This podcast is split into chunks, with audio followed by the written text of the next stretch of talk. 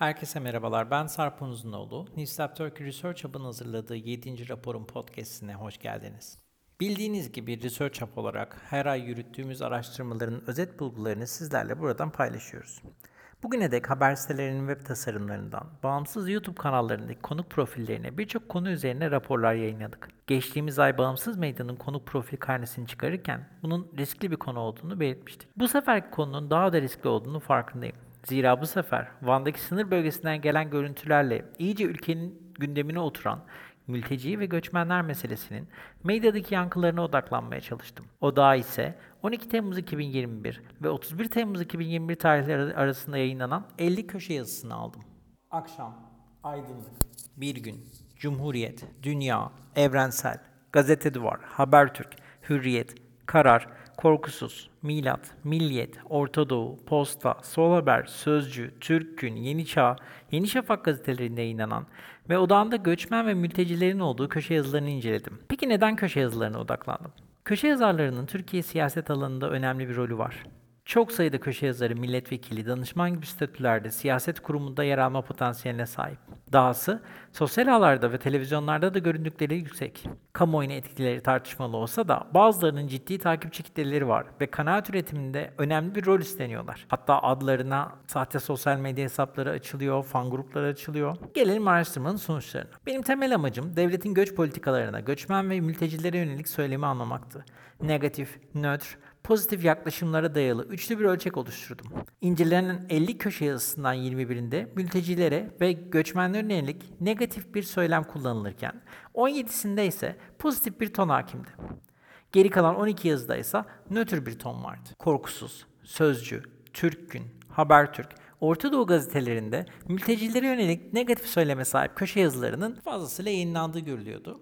Türkiye'deki siyasal kutuplaşma siyah beyaz şeklinde olmasa da köşelere yani köşe yazılarına yansımış gibi görünüyor. Hükümete yakın medyada özellikle Cumhuriyet Halk Partisi Genel Başkanı Kemal Kılıçdaroğlu'nun e, Suriyelileri ülkelerine göndereceği söylemine tepki olarak mültecilerle göçmenleri ve devlet politikalarını savunan yazılara yer verilmiş. Bir tür reaksiyon var. E, sol tandanslı medyada ise mültecilerle ve göçmenlerle sınıf kardeşliği üzerinden biraz bağ kurulmuş. Mültecilere ve göçmenlere yönelik politik doğrucu bir dil kullanılarak mülteci ve göçmenlerin hakları savunulmuş. E, devlet politikaları ile göçmen ve mülteci karşıtı söylemse ağır bir dille eleştirilmiş. Yani devletin sorumluluğuna yönelik negatif söylem iktidara yakın olmayan gazetelerde daha yoğunken iktidara yakın gazetelerde pozitif ya da nötr diyebileceğimiz bir yaklaşım söz konusu. Tabi Habertürk gibi siyasal anlamda tam olarak yerini belirlemekte güçlük çekeceğimiz bazı gazetelerde de hem devlete yönelik eleştiri hem de göçmenlere yönelik eleştiri ya da mültecilere yönelik eleştiriler görmek mümkün. Genel fotoğrafa baktığımızda mülteci ve göçmen tartışması çoğunlukla göçen kişilerin yasal statüleri, yaşam standartları gibi sorunlardan ziyade ulusal siyaset, ulusal konfor, e, ulusal güvenlik gibi eksenlerde yapılıyor.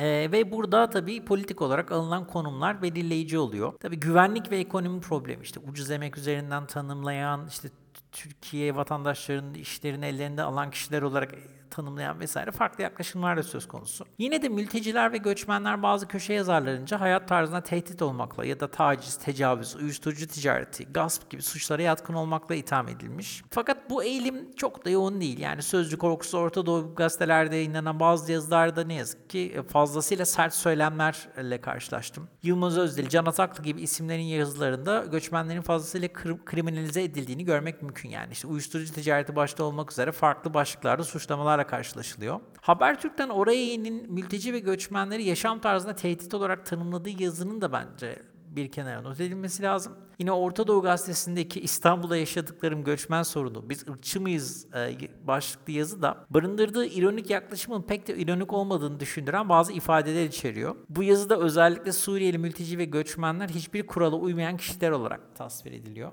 Göçmen ve mültecilere yönelik olumsuz söylem ne kadar önemliyse bence olumlu söylemler ve göçün sebeplerini anlamaya çalışan girişimler de bu kadar önemli. Bunun için köşe yazılarında göçmen ve mültecilerin motivasyonlarının da izini sürmeye çalıştım.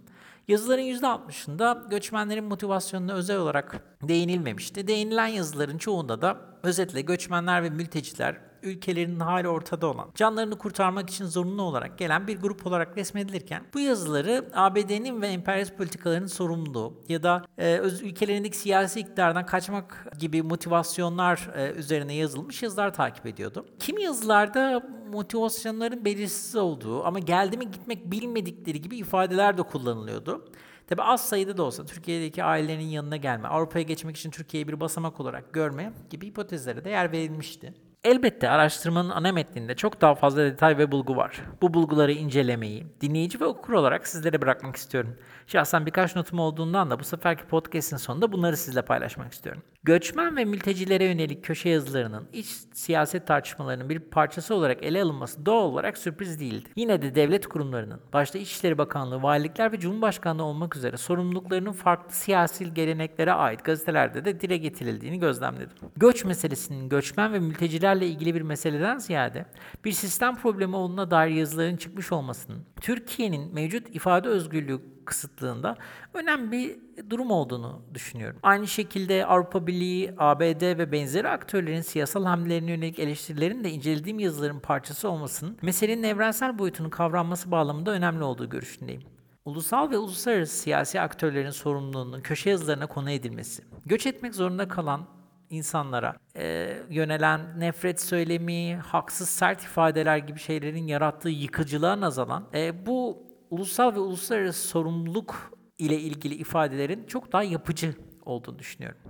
Ne yazık ki köşe yazarlarının bu konuyla ilgili bu tarz yaklaşımlarının siyasal gündeme etkisi, göçmenler ve mültecilere ilişkin kriminalize edici ya da dışlayıcı yaklaşımlar kadar yüksek görünmüyor. Yani e, bir göçmeni uyuşturucu kaçakçılığı, tacizcilik, tecavüzcülükle suçladığınızda yazının paylaşımı olsun ne yazık ki daha fazla. Yine de bu durum siyasi yelpazenin farklı noktalarından yükselen e, çözüm odaklı seslerin önemine gölge düşürmemeli. Bildiğiniz gibi dilerseniz bu raporun tamamına web sitemizden ulaşabilirsiniz. Raporla ilgili tüm sorularınızı sarpan.newslab.org adresi üzerinden bana iletebilirsiniz. Önümüzdeki ayın raporunda ve rapor podcastimizde görüşmek üzere.